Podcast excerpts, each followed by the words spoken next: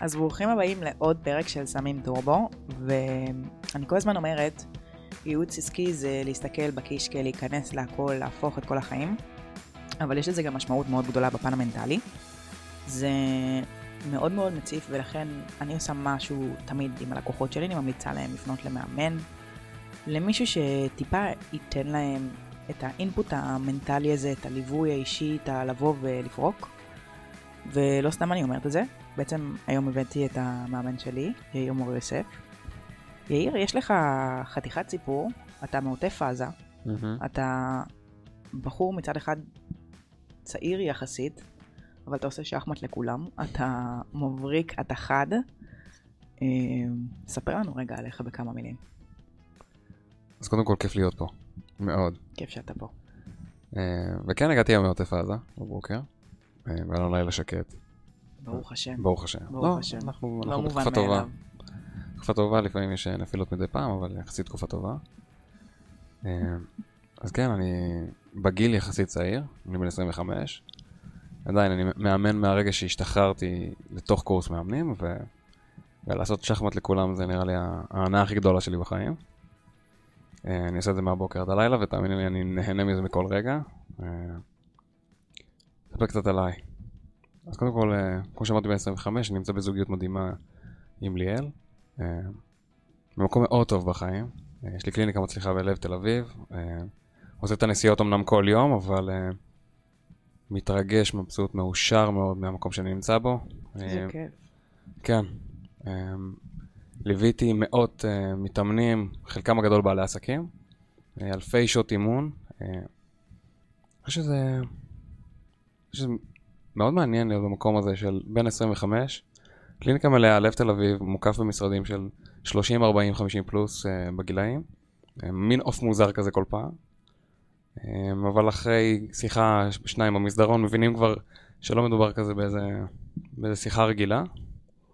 אני חושב שזה מתוך, מתוק, מתוקף המקצוע. אה, אתה אה. יודע, אה, לפני שבאנו לפה, אני חושבת שסיפרתי לך במדרגות. היה לי שיחה עם לקוחה. ודיברנו על זה גם אתמול, למי שלא יודע, למי שלא מקשיב. אז יאיר הוא, הוא לא רק המאמן שלי, הוא גם המאמן הרשמי של מש. זאת אומרת שאתה בא להעביר הדרכות, הרצאות על הפן המנטלי, על הפן ההתפתחותי, כל מי שצריך אקסטרה, אנחנו כמובן אה, שולחים עליך ל- לריפוי. ולפני שאני נכנסת איתך לרגע, כל מה שהכנתי לכל המערך שלנו, אני רוצה אה, לשתף אותך במשהו. בעצם יש לי לקוחה, שעל פניה, על הנייר, היא מאוד מאוד מצליחה. זאת אומרת, העסק מצליח, הכל מצליח, ושמתי לב שלי יש את זה, שמתי לב גם לכולם יש את זה, שכשאני מצליחה, אני לא נותנת לעצמי את הקרדיט, וכשאני לא מצליחה, או שקרה משהו הכי קטן, אני נכנסת בעצמי על 200. מהמם. אמ, אתה חושב שזה משהו שמאפיין בכללי בעלי עסקים? אתה חושב שהלקאה עצמית, או אובר פרפקציוניזם נקרא לזה ככה, זה בכלל משהו שאתה שומע מהמתאמנים שלך, מהסביבה שלך? אז קודם כל כן, ברור. אני, אני אענה רגע ל, ל, לשאלה הראשונה שלך.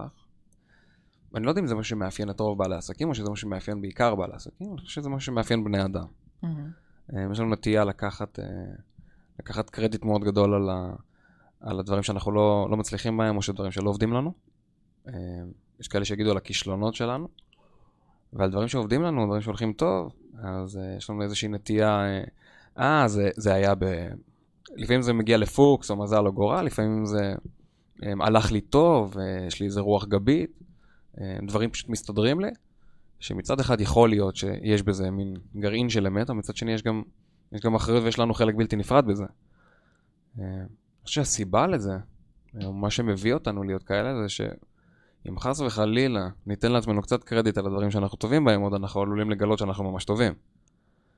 ואנחנו אוהבים מאוד ומעדיפים מאוד הרבה פעמים להיות לא טובים, להלקות את עצמנו, להוריד את עצמנו למטה.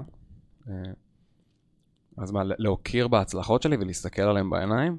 חס וחלילה אני אגלה שאני ממש טוב. ואולי ש- אולי שמגיע לי, אולי שאני נמצא במקום שאני עושה דברים טובים. אנחנו כבני אדם כל כך רגילים להתייחס אל עצמנו שלילי, שאנחנו רואים דרך הסנן הזה, דרך הפילטר הזה, בצורה מודעת ולא מודעת רוב הזמן. להוקיר אותי על הצלחות, וואו, זה קשוח. זה כאילו נראה מאוד מובן מאליו, אבל זה הרבה יותר קשה מלמצוא איפה אני לא בסדר. איך עושים את זה, יאיר? איך מוקירים אותי על מה, ש... על מה שהולך טוב? לגמרי. התרגיל הקלאסי ביותר בחוברת, שאמרו אותו עשרות ומאות לפניי, זה ממש לשבת ולהתבונן בזה ול... ולרשום את זה ולתעד כל דבר כזה. ולשאול מה החלק שלי. כמו, שהטוב, כמו שאנחנו טובים ב... רבנו סגירה לא, אה, שיחת אה, מכירה לא נסגרה, אה, לקוח עזב את התהליך ליווי, אנחנו כל כך טובים בלשאול, טוב, אז איפה אני דפוק פה, איפה אני לא בסדר? בואו נראה מצב שאני עושה דברים והולך לי, ואני שואל, רגע, מה החלק שלי? איפה אני תרמתי לזה שזה עובד ככה? כן.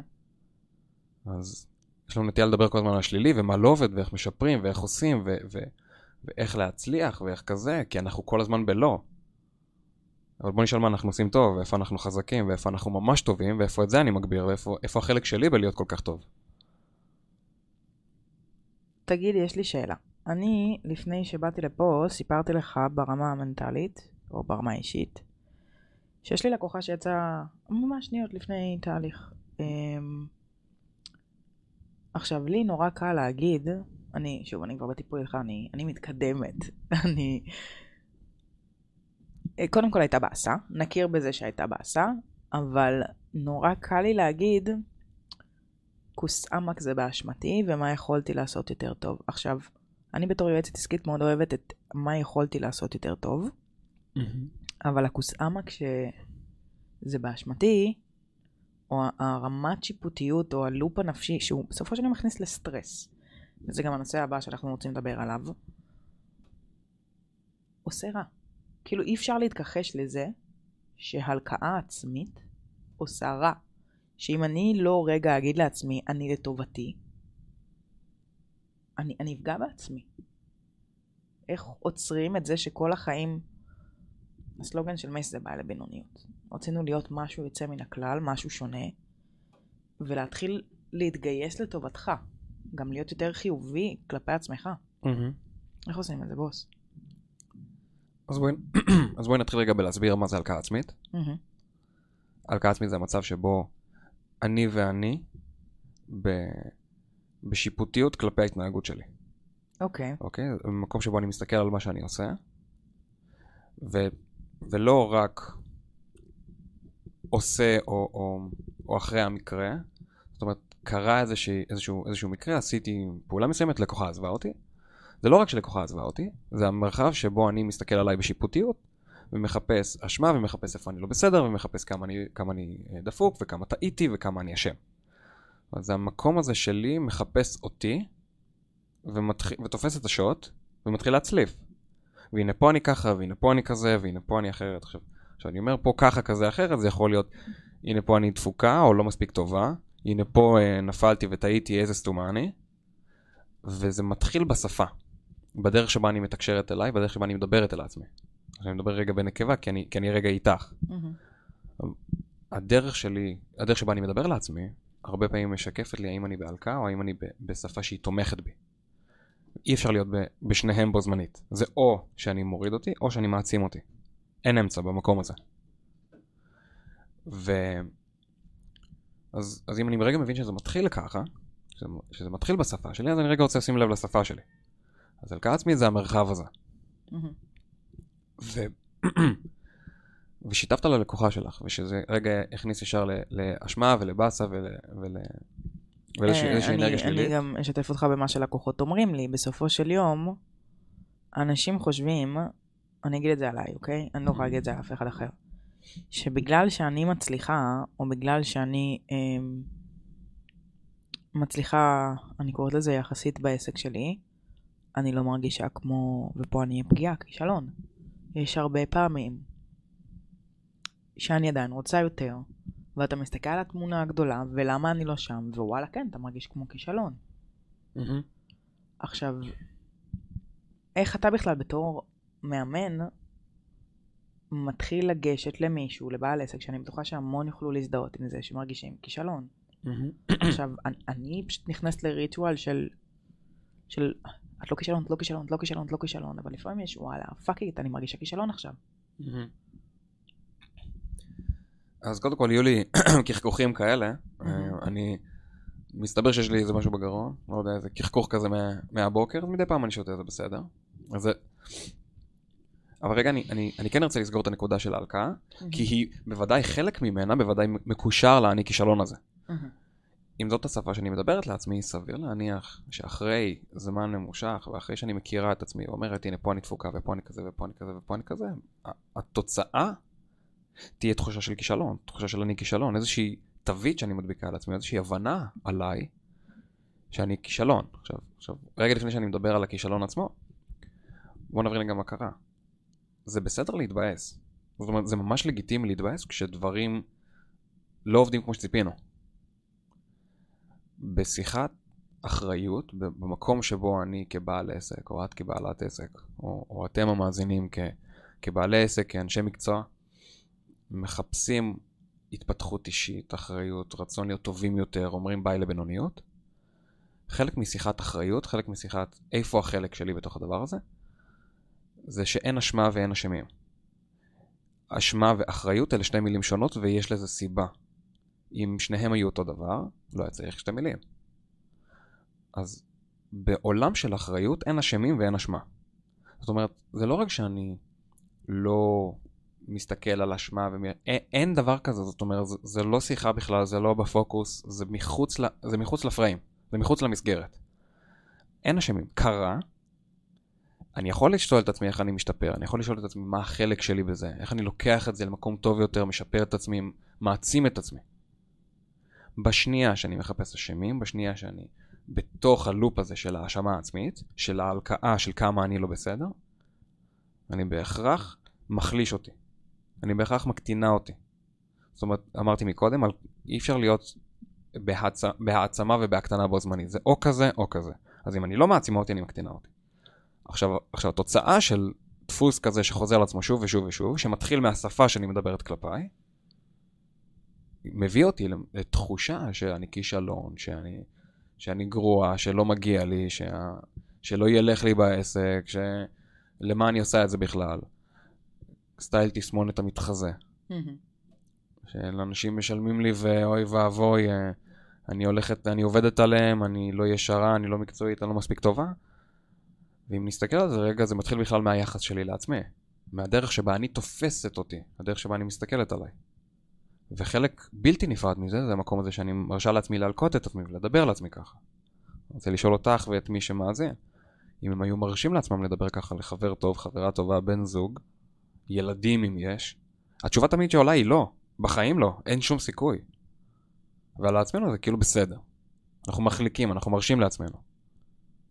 הסטנדרטים הגבוהים, הבעיה לבינוניות אומר, רגע, אני ואני צריכות להיות בטוב, לא רק בשביל העסק, אלא בשביל שאני אהיה אדם כזה. וזה מתחיל מהדרך שבה אני מדברת אליי.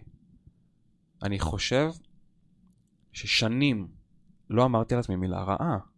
של איזה סתום, טיפש, אידיוט, מפגר, לוזר, כישרון, אני, זה כבר לא בלקסיקון. זה היה ככה. זה היה ככה שנים. כל דבר לקחתי אליי, האשמתי אותי והקטנתי אותי עד לרמה שהייתי מסתובב חסר ביטחון. הייתי מסתובב עם ראש מושפע למטה. כי השיחה הפנימית שלי הייתה כזאת.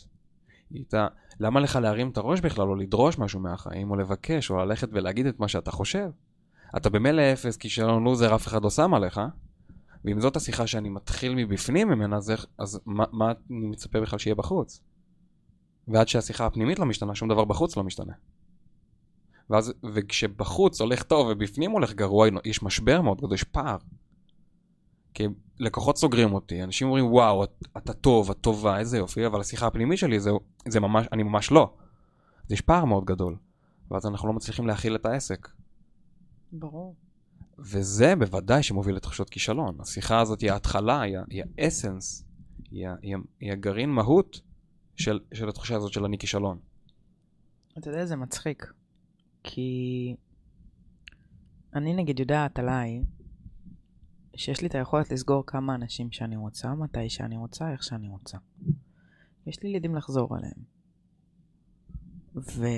ורציונלית, אני לא אמורה להתבאס. והנה התבאסתי. עכשיו, אני היום יודעת, אמ, עוז היה פה מקודם, אמרתי היום לטובתי, שהגישה שלי לחיים, של fuck it אני לא מוותרת, זה מה שגרמה לי גם להצליח הרבה פעמים בעסקים. היום אני יודעת לעשות את זה ביותר, בזמן יותר קצר, בסקיילים יותר גדולים. אבל בסופו של יום, אני חושבת שגם בגלל זה הבאתי אותך בסופו של יום, קראנו לפרק הזה עסק בריא בראש בריא. אם הפן המנטלי שלך רגע לא יציב, לא יושב, לא, מהמם. לא בטוב, ואתה לא נכנס לעסק ממקום, ל, לייעוץ עסקי ממקום של התפתחות אישית, ממקום של בוא נגרום לזה לעבוד, אלא ממקום הישרדותי, התהליך ככל הנראה פחות יצליח. עובדתית, כאילו אין מה לעשות אם אתה מנתקים לך את הטלפון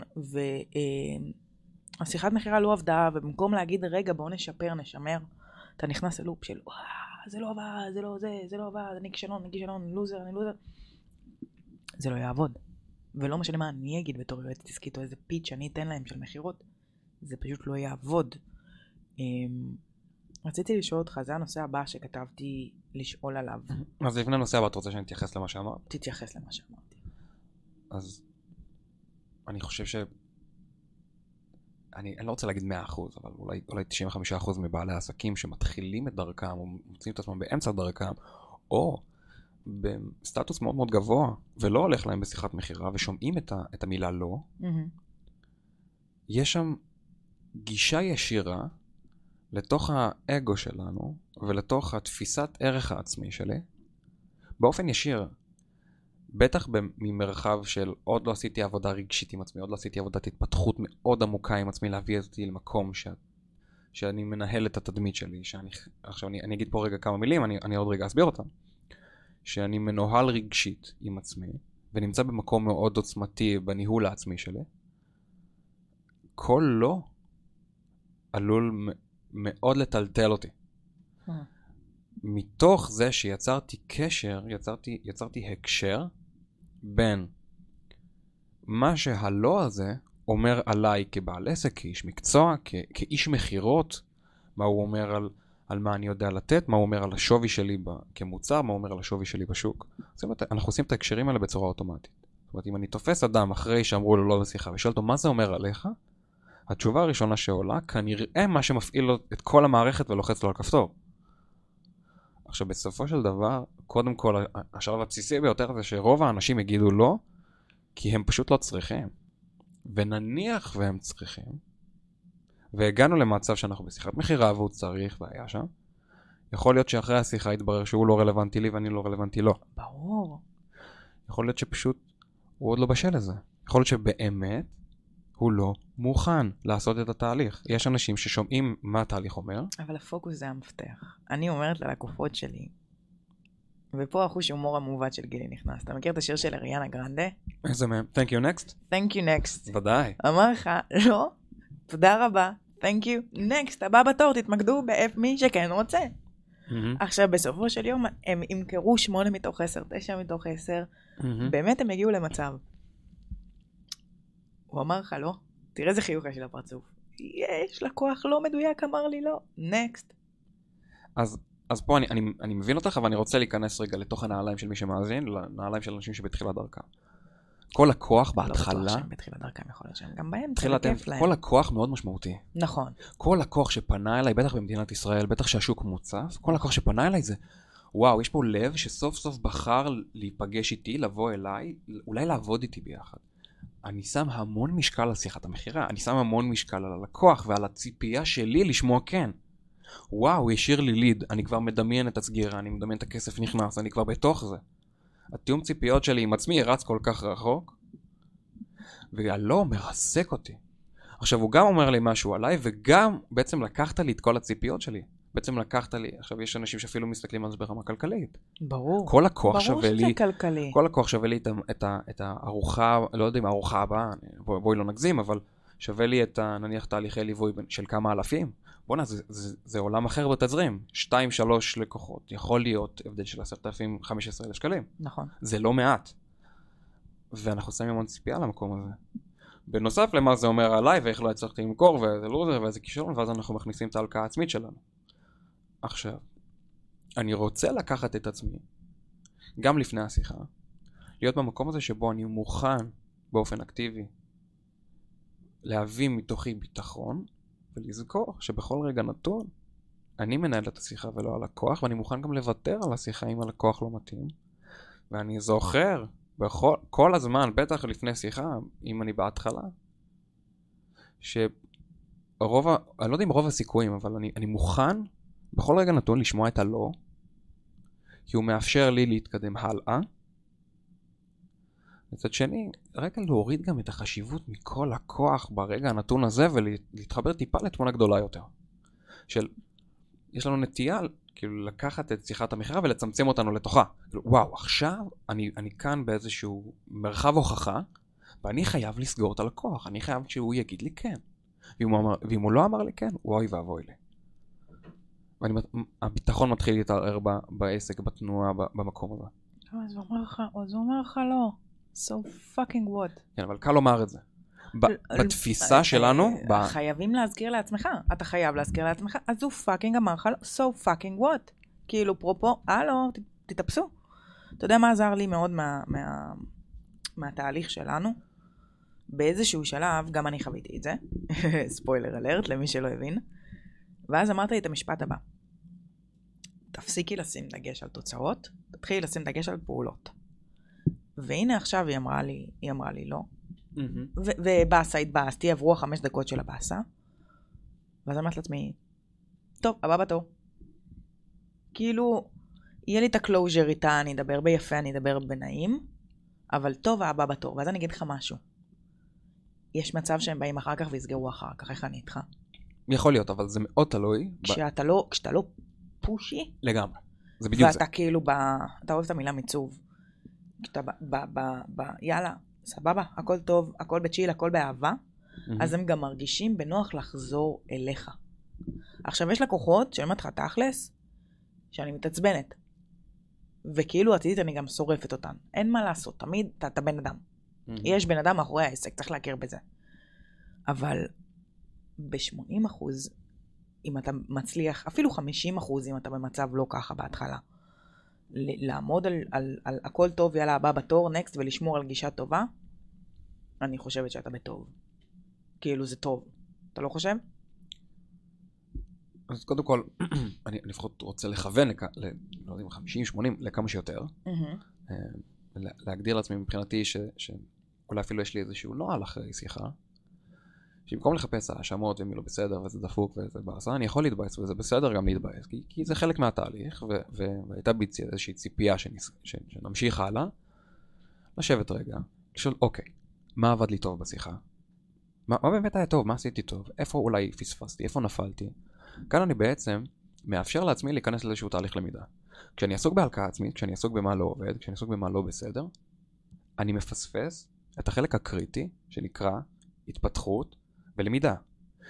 ה mind שלך ושלי, המוח שלנו, התודעה שלנו יכולה להיות מכוונת לדבר אחד בלבד בכל רגע נתון. אין לי דרך לחשוב על כמה דברים במקביל. אני חושב מאוד מאוד מהר על דבר אחד, mm-hmm. או, או שאני ממוקד באחד. אין לי דרך לחשוב על המון מרחבים תוך כדי.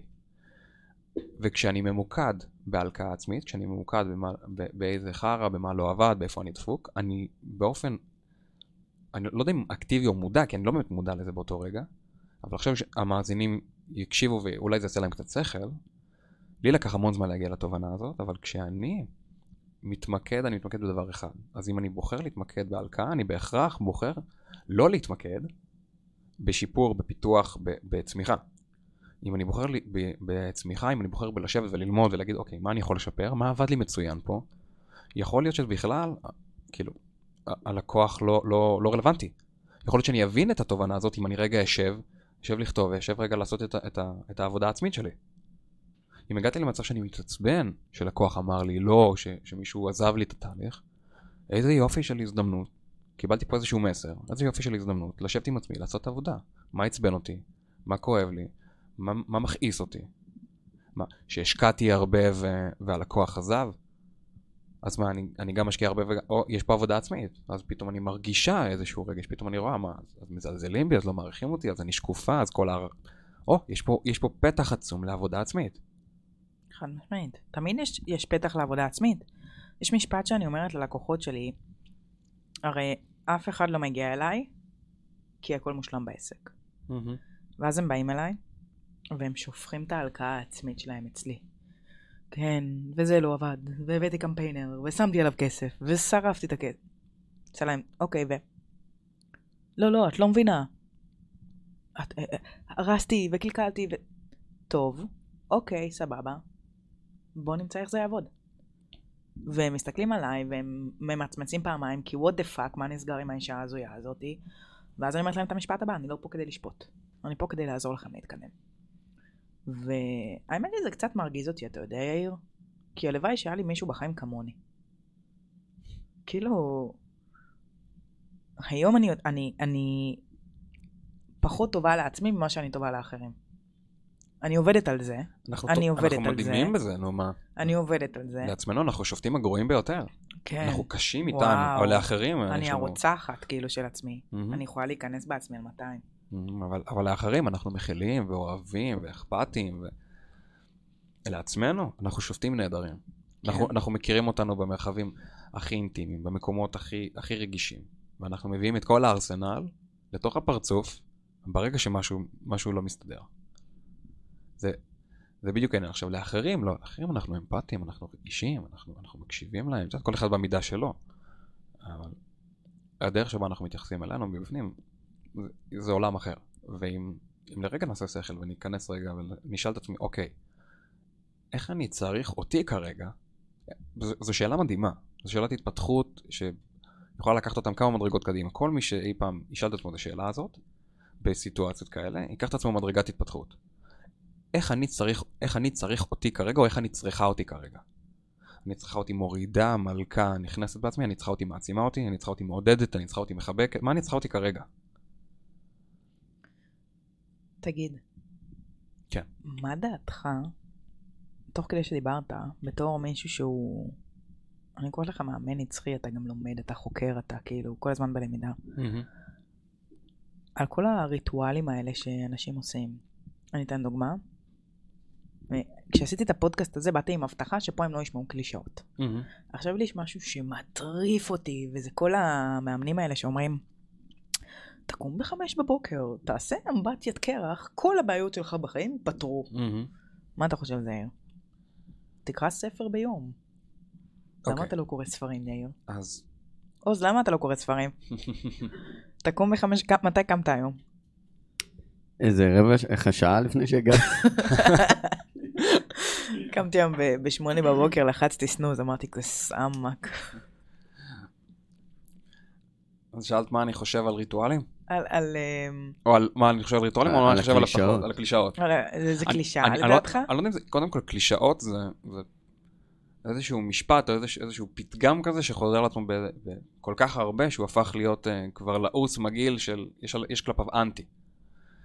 לגבי הריטואלים האלה או, או דפוסי החיים שעל פיהם מנצחים את החיים או מצליחים, תראי, מצד אחד חקרו את זה, ראו שיש לזה אפקטים מאוד מאוד טובים, לאו דווקא חמש בבוקר, אני יכול לדבר נניח על, על אמבטיות קרח. מהמם. אני לא יודע אם בדיוק בשעה 6, ואני לא יודע בדיוק אם הטמפרטורה ככה או אחרת, אבל, אבל יש לזה אפקט מסוים על, על הגוף, על, על להתמודד עם מה שלא בא לי, על לחנך את עצמי ואת התודעה שלי לעשות משהו. הרעיון שרק אם אני אעשה ככה וככה וככה, אז אני אצליח, או הרעיון שיש איזושהי, איזשהו מפתח, איזושהי שיטה להצלחה בחיים, איזשהו, איזושהי דרך אחת שמדויקת לכולם, היא שגויה מהיסוד, כי כולנו בנויים אחרת. בני אדם בסופו של דבר מצד אחד חווים חוויות חיים דומות, וכולנו חווים פחות או יותר את אותם סקלת רגשות ואת אותם כאבים, בסיפורים שונים, במרחבים שונים, עם אנשים שונים. אבל אנחנו מכוותים אחרת, אנחנו מתוכנתים אחרת, יש לנו הקשרים אחרים במוח, כל אחד מסתכל על דבר בצורה אחרת, לכל אחד יש את הפרשנות שלו. אז להגיד שיש דרך נכונה לכולם, ואם תקום בחמש, תעשה אמבטית בשש, תקרא ספר בשבע, אז, אז כנראה ש... יש כאלה שזה יעבוד להם מצוין ומדהים, כי הם מתים על החינוך העצמי הזה ועל, ועל ההתמודדות, ויש כאלה שפשוט יגידו, תשמע, זה, זה לא עובד לי, אני, אני לא בן, אדם של בוקר, או אני מוצא את עצמי ב-11 בצהריים כבר גמור מעייפות, אז רגע לפני שאני מחפש את השיטה, הנוסחה, אני רגע רוצה לשאול גם מה עובד לי. אני, אוקיי. מועדון חמש בבוקר, אני מניח שאת מכירה, אני, אני כ- כאיש התפתחות הייתי חייב להתנסות בזה 66 ימים מלאים. ניסיתי. חמש בבוקר, יצאתי לאימון אינטרוולים, ספרינטים על הבוקר, חורף קיץ לא רלוונטי, גשם, מה שצריך, 66 ימים, זה היה בחורף. וזה עשה לי מדהים בחינוך העצמי, אבל ב-12 בצהריים כבר הייתי לא אפקטיבי לתפקד. לא עבד לי. בשבע בערב נרדמתי. היום אני, אני קם בארבע וחצי בלי קשר, אבל אני לא יוצא לרוץ, אני קם כי, כי השגרת חיים שלי מנוהלת בצורה כזאת. אבל זה, אני אקום בארבע וחצי, מה אתה משוגע? אני עושה את זה כי אני חוסך את הפקקים ומגיע זה כי לתוכי אני- אימון. כן, אני רגיל לאזעקות ולקום באמצע הלילה מעוטף עזה. אגב, יש לי עוד איזה אינפוט קטן ברשותכם. כן, עוזי. ברגע. שהוא עשה 66 ימים כאלה, אז בעצם דבר אחד הרציניים שהוא השיג פה זה תחושת המסוגלות. אבל אתה יכול להשיג מסוגלות ממשהו שהוא פחות... הרי בסופו של יום המשחק, אני מניחה שמה שיאיר רוצה להגיד זה רלוונטי עבורך. ואני מבחינתי, תגיד לי, גילי, קומי בחמש בבוקר, קמתי שנים בחמש בבוקר. שנים. לא רק כי, כי גם עבדתי באיזשהו שלב בשתי עבודות, עסק, מקימה עסק, אה, מייעצת בבוקר, מקימה את מה ישראל היסטורי בערב, באמת המון המון דברים. ועדיין, יש המון נזק בכל מיני מאמנים, אה, אפילו יועצים עסקיים שאומרים את השטות הזאת של תקום בחמש בבוקר, סתום את הפה. יש מצב שזה לא מדויק לבן אדם ואתה תהרוס לו את החיים עכשיו. אדרבה, כשמדובר בגיל משי, לא אוהבת שמכתיבים לה. אז, אז יש מדויק עבורך, אבל. אבל זה, אני, זה אני, הקונספט, אני יש רק אומר- מדויק עבורך. כל החיים שלי אני אקח איתי את העובדה שהלכתי 90 קילומטר עם 40 קילו על הגב. אם היום אני אגיד את זה לעצמי, זה אני אצחק על עצמי, אבל אני, באותו רגע שעשיתי את זה, הכל הכל קטן עליי, מבינה? ברגע שהוא החליט, לא בשביל החמש בבוקר, אלא בשביל ה- לעמוד ב, ביעד, ברגע שהוא עמד ביעד, זה כבר נתן לו את ערך המוסף שהוא היה צריך. אני לא חושבת שיכול לקרות לבן אדם משהו בחיים שהוא לא קיצוני, שאחר כך הוא יגיד אחריו הכל קטן עליי. אני יכולה להגיד לך שיש לי נשים שבאות אליי, נשים, שיצרו חיים שלמים בגוף שלהם, עצמות בבטן שלהם, רגליים, ואחר כך הוא יצא להם, אני לא רוצה להגיד לך מאיפה, משהו אבסטרקטי לחלוטין, ולהעלות סרטון לאינסטגרם, אחרי שהיא כאילו ילדה ילדים, זה מפחיד. כן. אין, אין פה משהו, שום חוויית חיים. גם לי, יש לי חברה שמתה בצבא, אני המון, הרבה פעמים אני בפרופורציות, אני... עכשיו אני בתקופה של, אני לא יודעת אם אני מדחיקה, אם אני לא יודעת אם אני מעכלת, כי עוד מעט יום הזיכרון, אבל בסופו של יום שום דבר לא יכין אותך למשהו שמפחיד אותך. ואם אתה לא תגיד רגע שנייה, סבבה זה מפחיד אותי, אני מכיר בזה שזה מפחיד אותי, אני הולך לעשות את זה בכל זאת, אתה לא תתקדם לכלום, כי אומרת לך תכלס, זה לא, אין, אין. או, או רגע, קיבלתי אגרוף לפנים, כמו עכשיו עם הלקוחה, קיבלתי אגרוף לפנים, הולכת חמש דקות לבכות בפינה, לנגב את הדמעות, ואני חוזרת למשחק. אתה צריך להיות לפעמים קצת, אה, בגלל זה אני מסתבט על עצמי, שאני קוראת לעצמי פסיכופתית, כדי להתקדם. ונגיד יאיר, סבא, אני, אני נפגשת איתו אחת לשבוע. מסכן, כפרה עליו, הוא לא יכול להשחיל מילה. אני באה, אני פולטת לו, לא, לפעמים הוא כן משחיל מילה. אתה אבל- הרבה אבל- פעמים אבל- מוביל את השיחה, אתה תמיד מוביל את השיחה, אי אפשר להכחיש את זה. אתה הבוס תמיד. אבל הוא בא, ואני אני במודע, אני כבר איזה 6-7 שנים בטיפול. הולכת למישהו, שופכת את הלב שלי, ומסתכלת עליו, ואומרת לו, תעזור לשפר את זה. עכשיו, אני מדברת איתו על הזוגיות שלי, אני מדברת איתו על הקישקע, אני מדברת איתו על הפחדים שלי, על ה... על ה... באמת, כאילו, הוא היה איתי ב- ב- בשטויות שעשיתי, אני פעם הלכתי בתור יועצת עסקית ליועץ עסקי.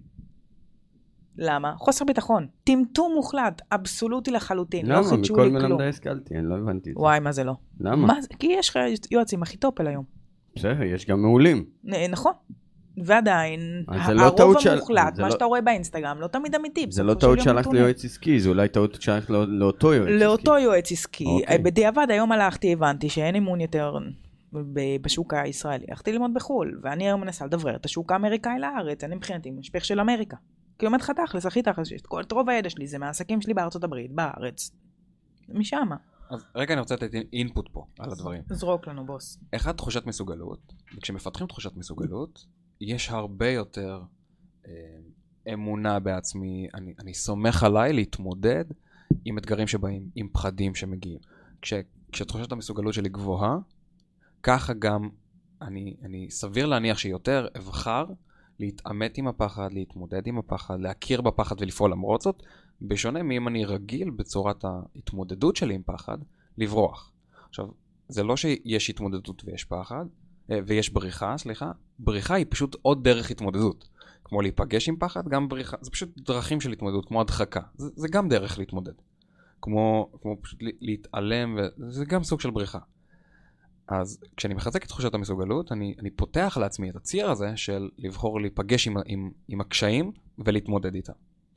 לא בטוח שאם אני אקום בחמש בבוקר אני אכין את עצמי לחיים.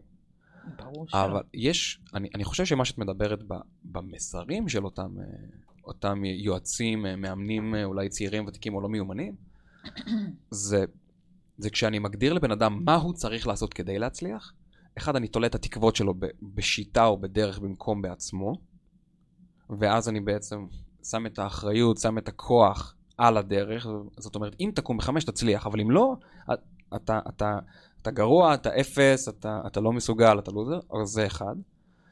שתיים, אם הוא בטוח שאני, שהוא צריך לעשות את זה והוא לא מצליח מכל סיבה כזאת או אחרת, הוא פשוט כי הוא לא בן אדם של בוקר, אז החוויה האישית שלו היא חוויה מאוד שלילית. מהמם. כי, כי הנה הם אומרים לי איך להצליח, והנה השיטה, זה, ואני לא מצליח, אני לא מסוגל.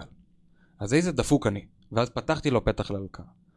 הדבר השלישי זה שכדי להיות מאמן טוב, באמת כדי להיות מאמן טוב, קראת לזה בתחילת השיחה את, שחמט.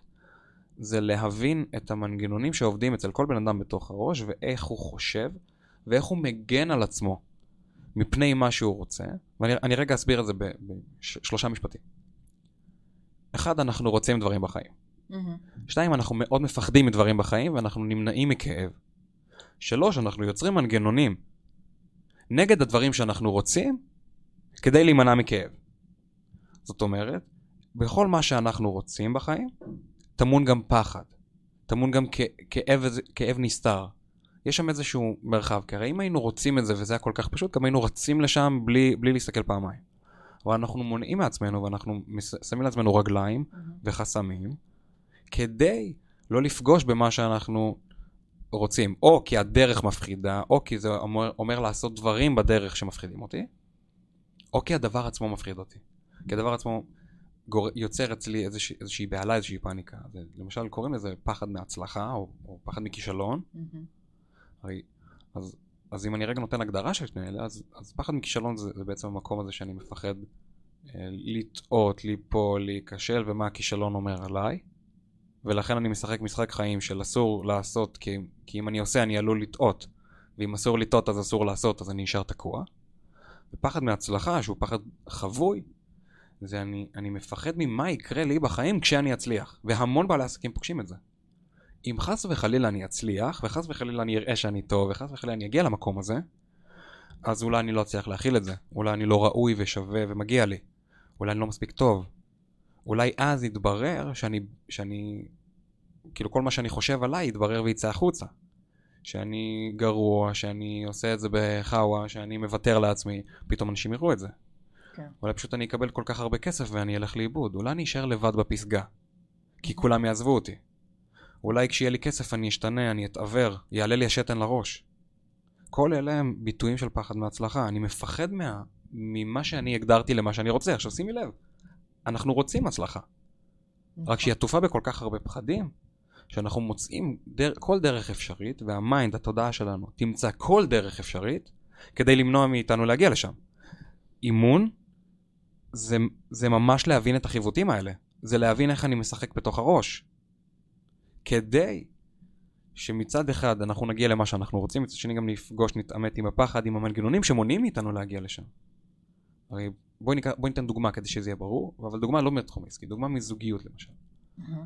אני יכול לספר לעצמי, או לומר לעצמי, וממש להגיד אני רוצה זוגיות, אני ממש רוצה זוגיות.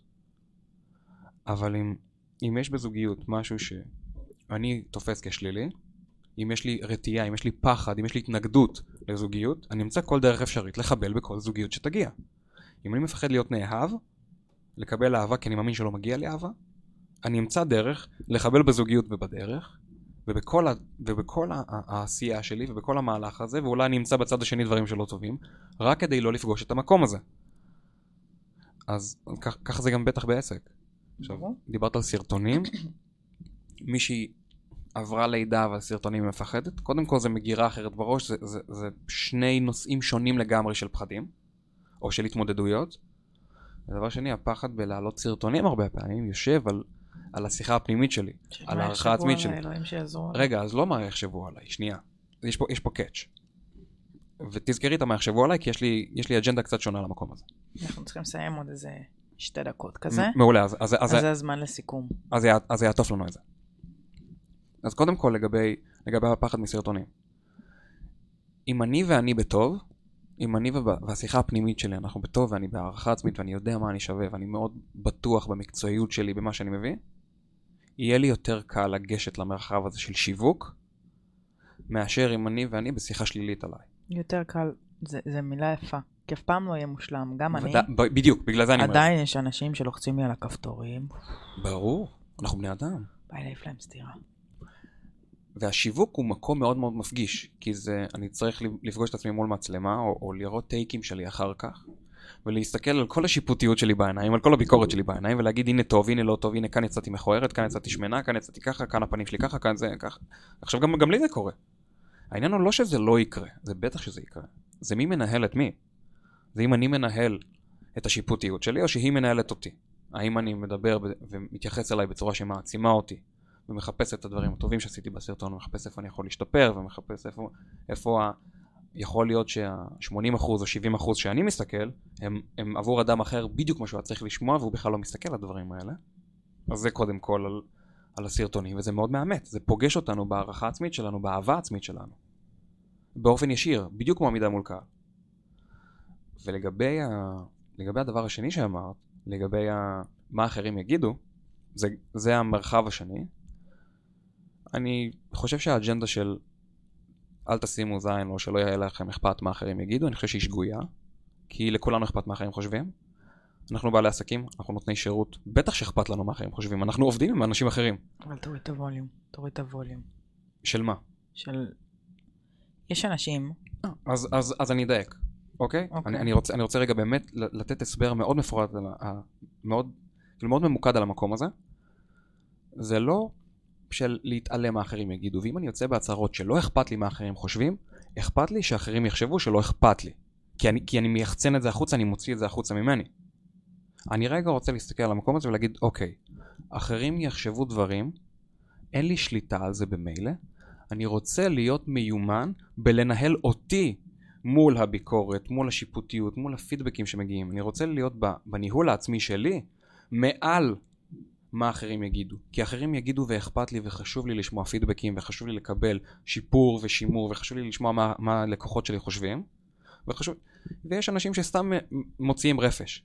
אני רוצה להיות במקום שאני יודע להכיל עם עצמי ולהיות מעל הביקורות והרפש ולשמוע את הפידבקים ולהשתפר כי יש אנשים שבאמת אכפת להם ולהגיד לא אכפת לי מה אחרים חושבים זה מקום מאוד מאוד מצמצם התפתחותית כי אני בעצם מסתכל רק עליי, על התחת שלי ואומר זה שלהם זה לא שלי נכון, אבל איפה אני תמיד יכול יהיה להשתפר את מזה? זה, אי אפשר להגיד שלא יהיה. תמיד יהיה, יהיה, בוודאי. תמיד יהיה. ולכן המיומנות היא מאחר ותמיד יהיה ביקורת היא לא להגיד לא אכפת לי ובכך למנוע ממני אלא לנהל את זה ולסנן את מה שרלוונטי ולשים בצד את מה שלא ולא לקרוא תגובות בטיקטוק, חברים. לא לקרוא תגובות בטיקטוק, אנשים שם מלאים בשנאת חינם. כן. זה תרגיל חוסן מנטלי ל-. ל- למתקדמים אה. פלוס פלוס. גם אני, יש פעמים שאני כאילו, ואתה יודע שאנשים באים לטיקטוק להוציא רפש. אתה. יודע את זה. ועדיין אתה צריך לשווק, אין מה לעשות, זאת פלטפורמה. וואו. וואו, איזה רפש מוציאים שם, יאיר. אז אתה אומר לעצמך, טוב, טוב, אני שם את הטלפון בצד. אגב, יש דברים שעושים, שאני ממליצה עליהם בייעוץ עסקי, הם שהם נורא טכניים, ששומרים על בריאות הנפש, נגיד שתי טלפונים. תפריד. תגיד, אם היית יכול לסכם את הפרק הזה ב-60 שניות. ארבעה משפטים.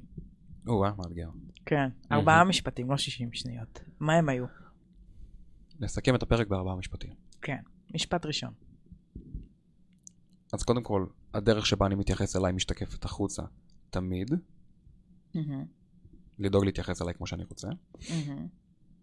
המשפט השני יהיה... וואו, זה ממש מאתגר. המשפט השני יהיה... לא זה חלק מהדרך, נכון. ולמרות שלא זה חלק מהדרך, אני רוצה להיות מוכן גם לפגוש את עצמי במקום שכ... שכואב לי וקשה לי עם הלא. מהמם. אה, המרחב השלישי זה... עסק זה דבר מציף, מאמת ומפתח. אני יכול לבחור לחפש אשמים ואני יכול לבחור לחפש איפה אני יכול להשתפר ואיפה, ואיפה אני לוקח אחריות על המקום. מהמם. והמשפט הרביעי, או כדי לסגור את הפרק הזה, אני אתייחס לנקודה האחרונה. המיומנות של ניהול עצמי, למה אחרים חושבים, לכל מה שדיברנו פה בפרק, העבודה העצמית, העבודה של ההתפתחות, העבודה הרגשית, העבודה של הטריגרים, היא המפתח להצלחה עסקית. כמו השם של הפרק, עסק בריא בראש בריא, מהמם. זה הכל מתחיל משם, זו תוכנית עבודה טובה. מתחיל משם ועובד עם תוכנית עבודה. חייב. אם כבר הבאת תוכנית עבודה, אי אפשר. קלטי קאץ' בתוכנית עבודה. הקאץ' בתוכנית עבודה כן. זה שברגע שיש תוכנית עבודה בהירה, ברורה, שאני יודע בדיוק מה צריך לעשות, כל השיט צף למעלה. נכון. הכל. נכון, ואז אני מפנה אליך. ואז אני מפנה אז אליך. כ- ככה, קודם כל, ככה עושים, אחד, ככה עושים שיווק. חד כי משמעית. זה, ודבר שני, זה באמת, לא, אבל יש כאלה שצריכים ויש כאלה שפחות. אין מה לעשות. מישהו צריך את העזרה המנטלית. אני, אני מ, מ, מהיושרה שלי, מהאמונה הנפשית שלי, זה, זה להגיד, שמעי חברה, יש פה אתגרים מנטליים קשים.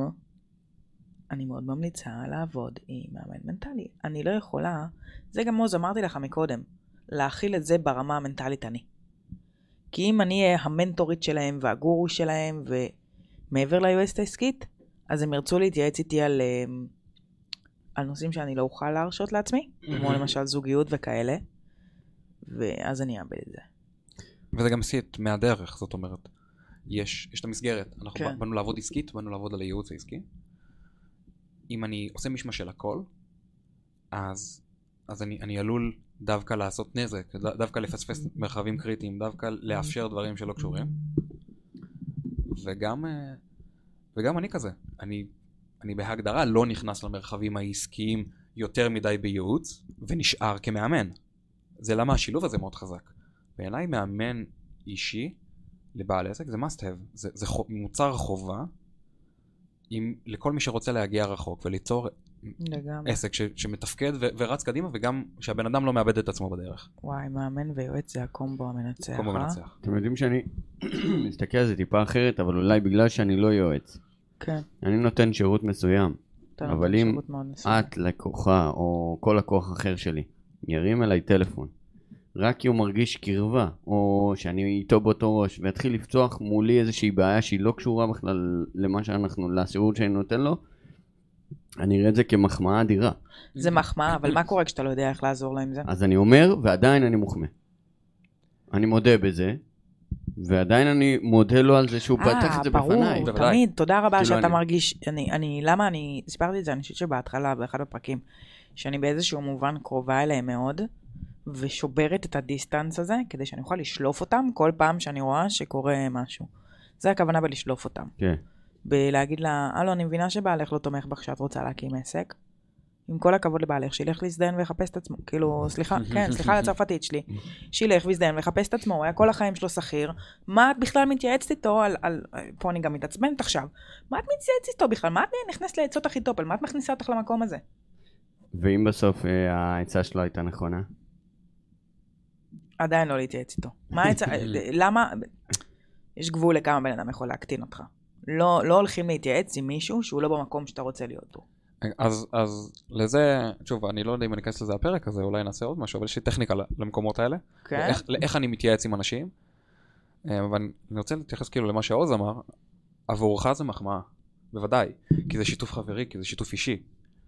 כשאני מערב את זה עם מרחב מקצועי, זה עלול ליצור אה, בלאגן. בטח במרחב, ברוב המרחבים זה בסדר גמור, כי גם, אתה גם שומע בתור חבר, אתה מכיל, אתה, אתה נותן לו את החמלה שהוא צריך, אתה נותן לו איזה מילה טובה, איזה חיבוק, איזה...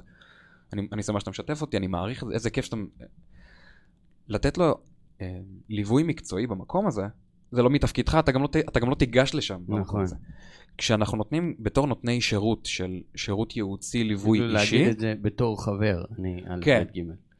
זהו, אז בתור חבר לתת לו איזושהי דוגמה אישית, איזושהי השראה, וזה עובד גם לפעמים, זאת אומרת, לפעמים הוא ממש צריך אותך במקום הזה. אבל אם, לצורך העניין, אם תפגוש בן אדם שמגיע אליך ומלא בפחדים מול המצלמה, או מול ההקלטות, ומגיע לפגישה ולא מצליח לו, וזה, ואז הוא יגיד לך, תשמע, אני מפחד, ואתה תנסה לשכנע אותו, בוא, תעשה ככה, תעשה ככה, לפעמים זה זה יכול לעבוד, להתפוצץ. לפעמים זה עלול להתפוצץ ולאכזב את שניכם. על, אז בדיוק על המרחב הזה אני מדבר. מהמם.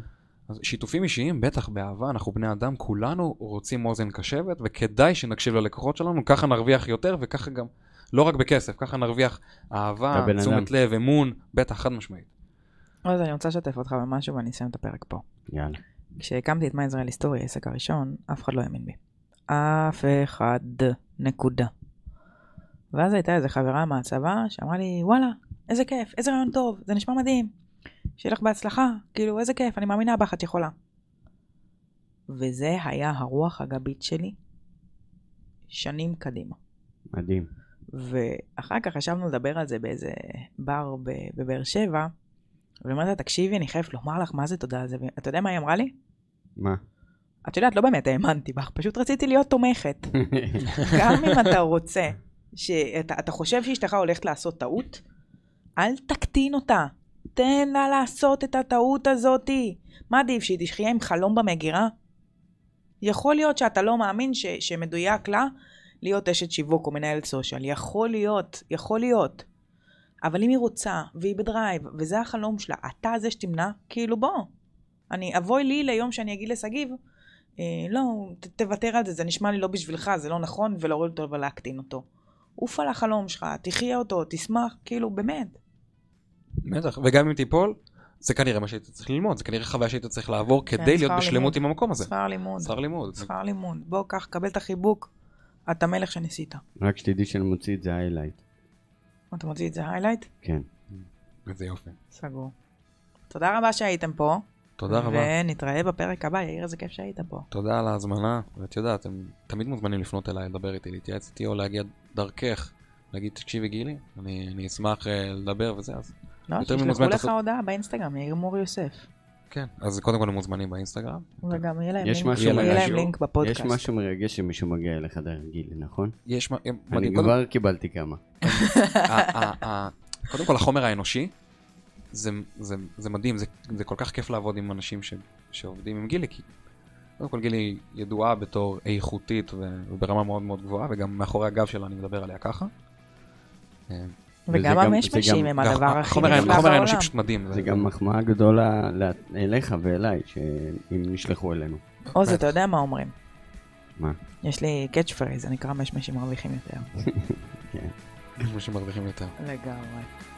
אז יאללה, נסיים את הפרק, תודה. ונתראה פרק הבא. תודה.